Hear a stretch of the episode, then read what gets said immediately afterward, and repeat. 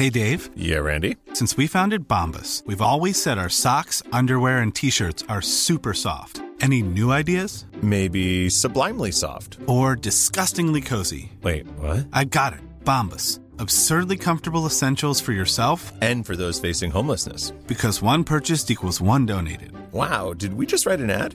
Yes. Bombas. Big comfort for everyone. Go to bombas.com slash ACAST and use code ACAST for 20% off your first purchase.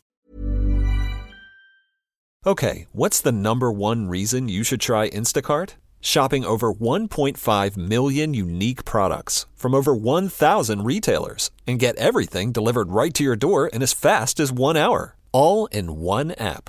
So you can spend more time with the ones who matter most. Visit instacart.com to get free delivery on your first three orders. Offer valid for a limited time $10 minimum per order. Additional terms apply. Tony Media. Op het vliegveld van Moskou ontmoette ik mijn reisgenoten. De Nederlandse fotograaf Jeroen en zijn vriendin Ilse. Beiden hadden rugzakken ter grootte van een bescheiden ijskiosk. Ik zag wandelstokken en degelijke schoenen. Ik hoorde Jeroen praten over luchtvaartkaarten en kompasafwijkingen in de buurt van de Noordpool. Daar stond ik met mijn rugzakje van 8 kilo, inclusief gloednieuwe tent, slaapzak en matje. We stonden op het punt een reis te maken naar een groep Nenets-Eskimo's in het uiterste noorden van Rusland. We zouden overnachten in meegebrachte tenten. Ik hoopte dat zij de paniek niet van mijn gezicht af konden lezen. Ik ben namelijk een absolute kampeeridioot. In mijn jeugd werd ik elke zomer naar een kamp op de Schelling gestuurd, waar je met acht jongens in een tent sliep. Ochtends werd je om half acht uit je slaapzak geschud. Warm water was er niet. Wassen deed je met een tijltje koud water. Echt schoon werd je er niet van. Gegarandeerd brak vroeg of laat op het kamp de griep of diarree uit. Een groot deel van de vakantie lag ik in een tent te braken in hetzelfde tijltje. Dankzij dit zomerkamp heb ik een gezonde afkeer van kamperen ontwikkeld. Ervaring met campings in de Dordogne heb ik niet. Laat staan met kamperen bij een Eskimo-brigade op de Toendra. Het is tekenend dat ik zelfs een beker was vergeten mee te nemen, waardoor ik de komende tien dagen koffie zou drinken uit diverse geleende pannetjes in verschillende gradaties van smoezeligheid. Het verblijf bij de Nenets bleek een extreme kampeercursus te zijn. Welkom bij Rusland voor Gevorderden. In deze podcast neem ik jullie mee door Rusland en andere landen uit de voormalige Sovjet-Unie. In samenwerking met Dagblad Trouw probeer ik verdieping te geven aan het gebied, maar met een flinke dosis humor en absurdisme. En af en toe vies eten.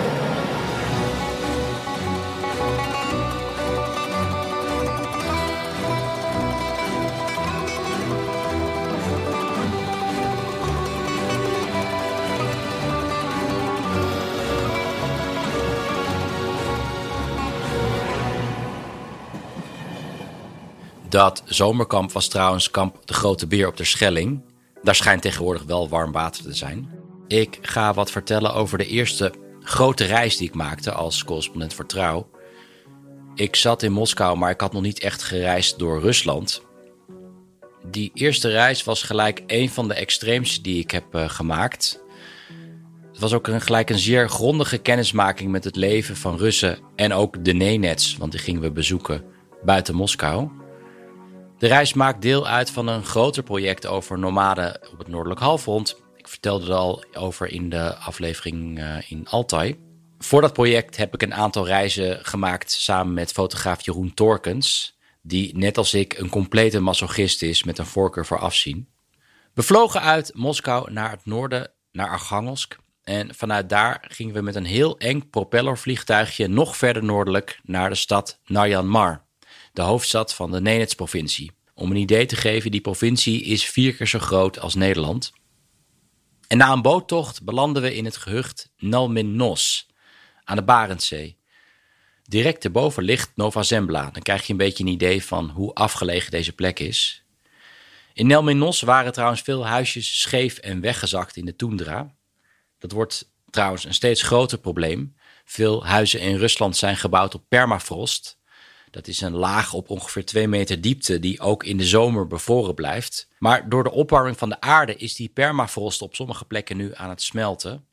En in Siberië heb je hele steden die nu langzaam de grond inzakken. Je hebt trouwens ook veel mammoeten die door dat smelten nu boven komen drijven. Voor de Rusland-serie, die ik vanwege de oorlog nooit is doorgegaan, zou ik op stap gaan met zo'n mammoetjager. Hoe dan ook, we hadden begrepen dat in Nelmenos we ons vervoer moesten regelen naar de Nenets. Ons uiteindelijke doel was een rendierbrigade.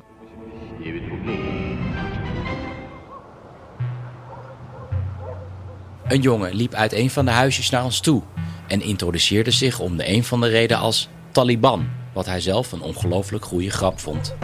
Taliban leidde ons naar het gemeentehuis. De weg bestond uit planken die rustten op de ontdooide blubber. In het gemeentehuis werden we opgewacht door een obscure Rus in een matrosenshirt en een enorme zonnebril. De Rus vertelde ons dat het vervoer naar de rendierbrigade ongeveer 1000 euro zou kosten. En vertelde er gelijk bij dat we niet veel keus hadden, aangezien hij de enige was in een straal van 1000 kilometer die geschikt vervoer had. En dat was niet alles. Hij wilde ons maar één keer brengen en halen.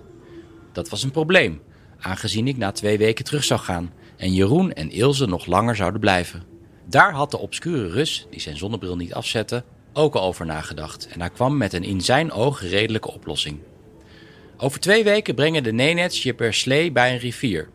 Dan komt iemand je per boot halen. Hoe konden zij een precieze plaats afspreken, vroeg ik. En een precies tijdstip. Heb je een satelliettelefoon? vroeg de Rus. Nee? Nou, het komt allemaal vast goed. Met die rustgevende woorden gingen wij akkoord. Tijdens het sluiten van de deal schoof de burgemeester van het dorp aan, die ongetwijfeld een deel van het geld zou krijgen.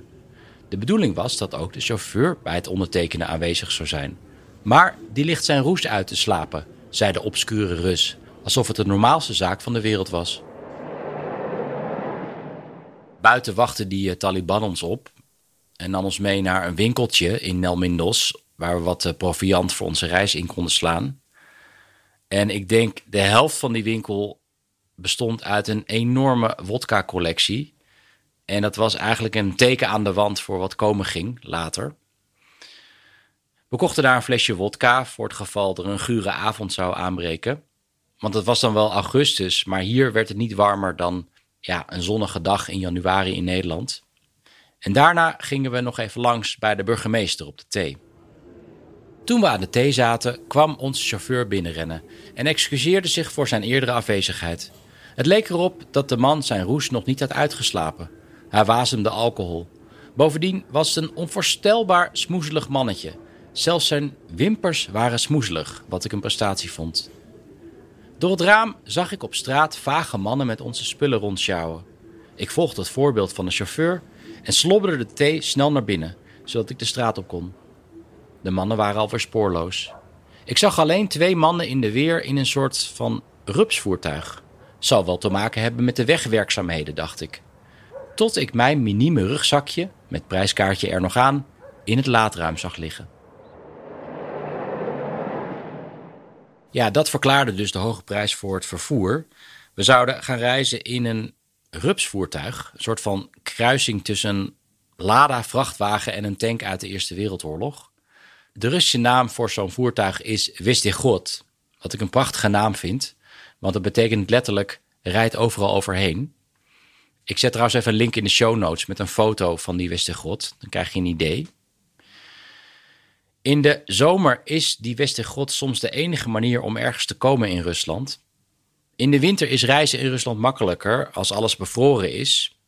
Je denkt dat juist in de winter plekken moeilijk te bereiken zijn in Rusland, maar dat is dus andersom. Sterker nog, in de winter heb je hele rivieren die worden gebruikt als snelweg, compleet met afritten en alles. Die noemen ze in Rusland Zimniki. Maar ook die Zimniki worden steeds onbetrouwbaarder met het opwarmen van de aarde.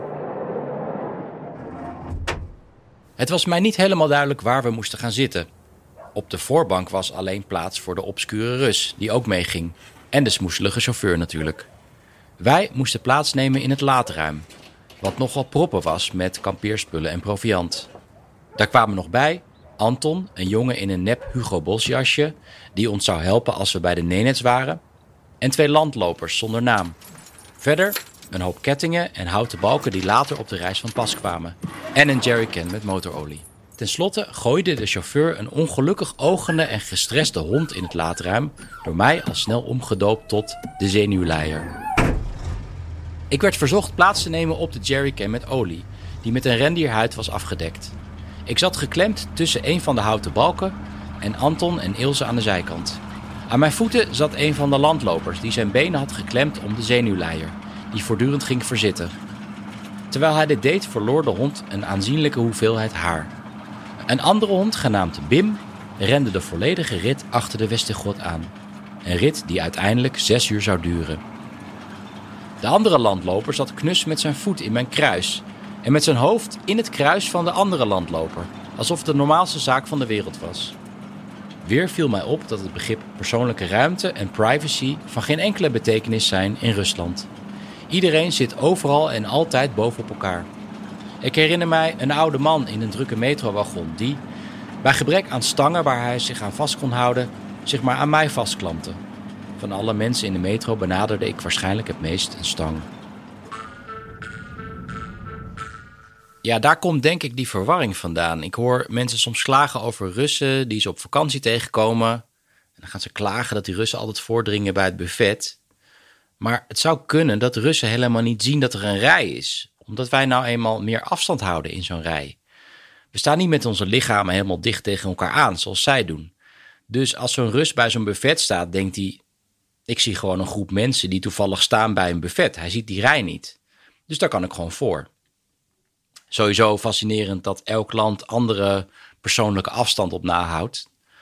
Ik heb het wel eens opgezocht. Volgens mij hebben Amerikanen de grootste persoonlijke afstand in de wereld. Misschien daarom ook dat Amerikanen vaak zo luid praten. Maar goed, ik dwaal af. Ik zit dus in die tank. En zodra we in beweging komen, ja, had boven of beneden helemaal geen betekenis meer. We schoten door die hele cabine en het was alsof we in een wasmachine zaten. Er waren ook geen ramen. We konden alleen door de achterklep naar buiten kijken. En dat deed ik maar niet, want daar zag ik hoe we diep in de blubber van de toendra wegzakten. Op een bepaald moment zaten we zo diep in de blubber dat we niet meer vooruit kwamen. Maar goed, daar hadden de Russen dan weer die boomstammen voor. Die legden ze dan voor de tank, zodat de tank zo op die boomstammen kon rijden. Maar ook die boomstammen zakten dan weer weg. Maar hadden ze dan weer kettingen voor in de tank om die boomstammen eruit te trekken. Nou, het was in ieder geval een hele operatie. En toen we bezig waren, zag ik de chauffeur buiten staan. En ik zag gewoon dat hij nog dronken was. Maar ja, eigenlijk maakte dat niet zo heel veel uit, want we reden door de wildernis. Dus ja, we konden niks aanrijden. En af en toe stond er een klein boompje, maar daar reden we gewoon overheen met die tank. Ik maakte me meer zorgen over de Westigot zelf. Want na vier uur rijden stopte die ermee. Hij had een lekkende radiatorbuis. En ja, we stonden echt in the middle of nowhere. Er was ook helemaal geen telefoonsignaal, wat dan ook. Ik moest ook denken aan Willem Barens, die even verderop natuurlijk strandde op Nova Zembla. En dat wij misschien in de winter dan een behouden huis zouden moeten maken van onze tank. En de Russen hadden ook natuurlijk helemaal niks bij zich om die tank te repareren. Uiteindelijk had Jeroen, de fotograaf, een rolletje leukoplast. En daarmee hebben ze toen de buis van de radiator gedicht. Ik vind trouwens altijd heel knap hoe alles voortdurend stuk gaat in Rusland. Maar op de een of andere manier weten ze altijd alles op te lossen. In elke Rus schuilt een beetje een uh, MacGyver. Na zes uur bereikten we de plek waar de nomaden voor het laatst waren gesignaleerd. Het lastige met nomaden, verduidelijkte Jeroen, is dat je ze moet vinden. Dat is het hele wezen van een nomade. Ze wonen niet op een vaste plek. Iedereen stapte uit en ging wat rondturen op zoek naar de tjoem. Het Nenets woord voor tipi of wigwam. Na enige tijd waren de nomaden gespot. Een klein wit stipje in de verte, wat het tjoem zou zijn. Een uur later sloeg ik het tentdoek van de wigwam open en ontwaarde ik een paar nenets die ons gebaarden op de ereplaats bij het vuur te gaan zitten. Ze waren net met de avondmaaltijd begonnen, wat mooi uitkwam, want ik had een gierende gilhonger. We gaven hun het litertje wodka, niet wetende dat wij hiermee het startsein zouden geven voor een 48 uurs drankbaganaal. Ik kreeg een rauw stuk rendier voorgeschoteld met een glas rendierbloed erbij. Ik schrokte en dronk alles in één keer op. Dit leverde mij een paar waarderende blikken van de Nenets op. We dronken thee met het verplichte wodkaatje. Ja, wat bleek, onze chauffeur had een soort onderhandse deal gesloten met het hoofd van de rendierbrigade. Hij kreeg een rendier in ruil voor een doos met twaalf flessen wodka, die ze vervolgens op gingen drinken. En de drie dagen die erna volgden was die hele brigade eigenlijk in een soort van permanente staat van dronkenschap. De enige nuchtere waren we zelf en onze gids Anton. En ook een tweeling, twee jongens, Wova en Grisha. En af en toe moest dan een van die nenets iets doen met die rendieren. Dat deden ze trouwens per slee. Ook als er dus geen sneeuw ligt, dan gebruik je die sleeën. Het zag er niet heel comfortabel uit. Maar dan reden Vova of Grisha, een van die tweelingjongens, die reden dan altijd mee om die dronken mannen maar op de slee te houden. En steeds als ik ze wilde interviewen of steeds als Jeroen een foto wilde maken, zeiden ze ja, dat is goed, maar het mag niet over alcohol gaan. Maar ja, ja, wat moet je dan? Dus we konden eigenlijk helemaal niks doen. En ik snapte die Nenets ook wel op een bepaalde manier. In de Sovjet-tijd was dit een hele prestigieuze baan. Dit was een kolgoze, een staatsboerderij, met een gegarandeerde afname van rendieren. Maar na de val van de Sovjet-Unie is die hele kolgoze in elkaar gedonderd. Net als natuurlijk duizenden andere staatsboerderijen. Of in dit geval dus een rendierhouderij.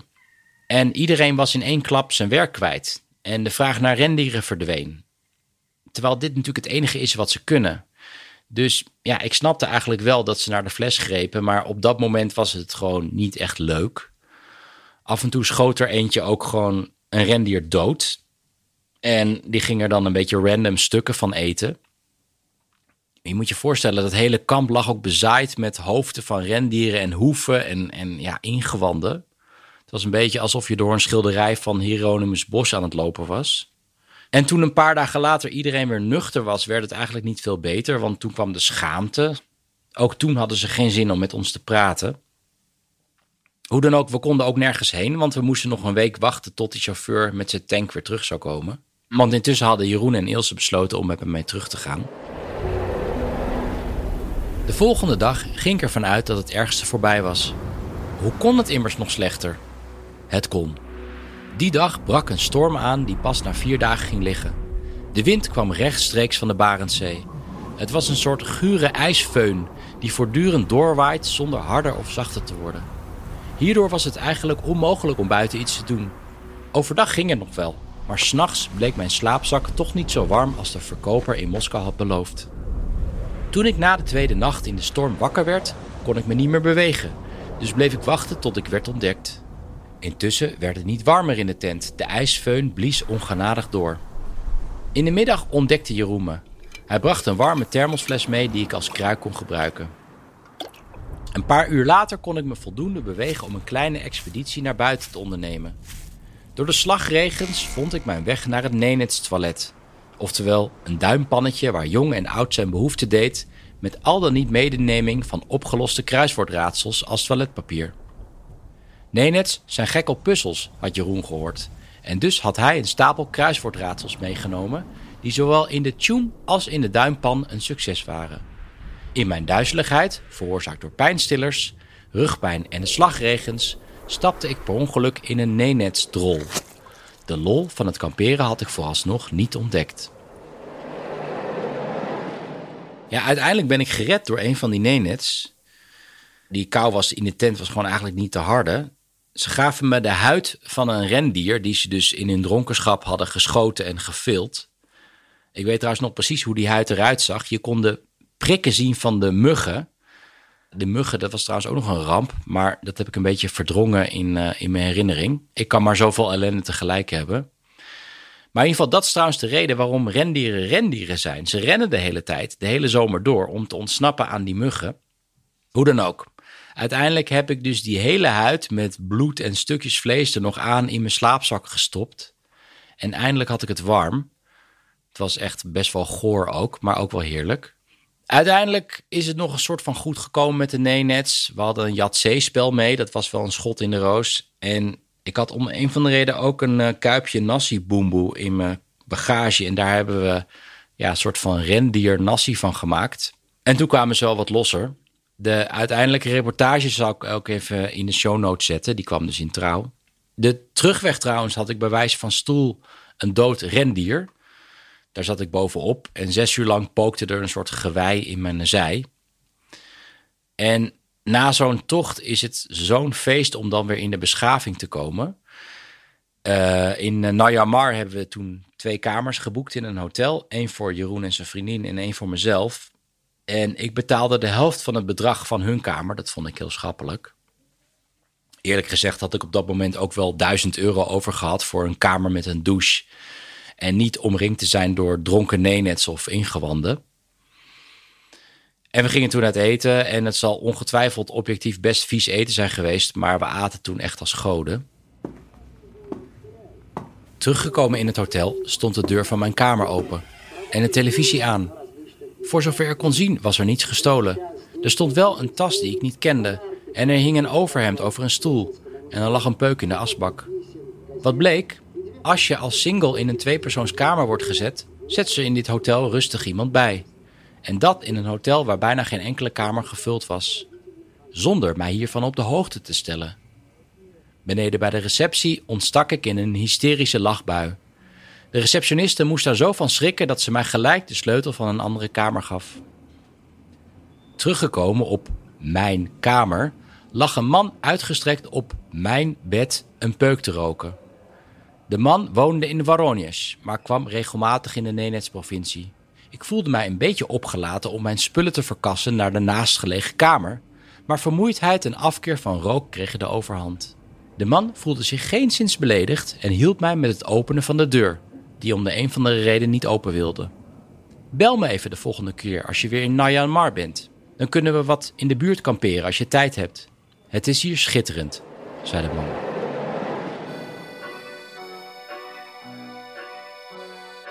Deze podcast wordt gemaakt door Bas Tooms en Ruben Dekker van Tony Media. Citaten komen uit het boek Rusland voor Gevorderden, uitgegeven door Prometheus. Tot de volgende keer.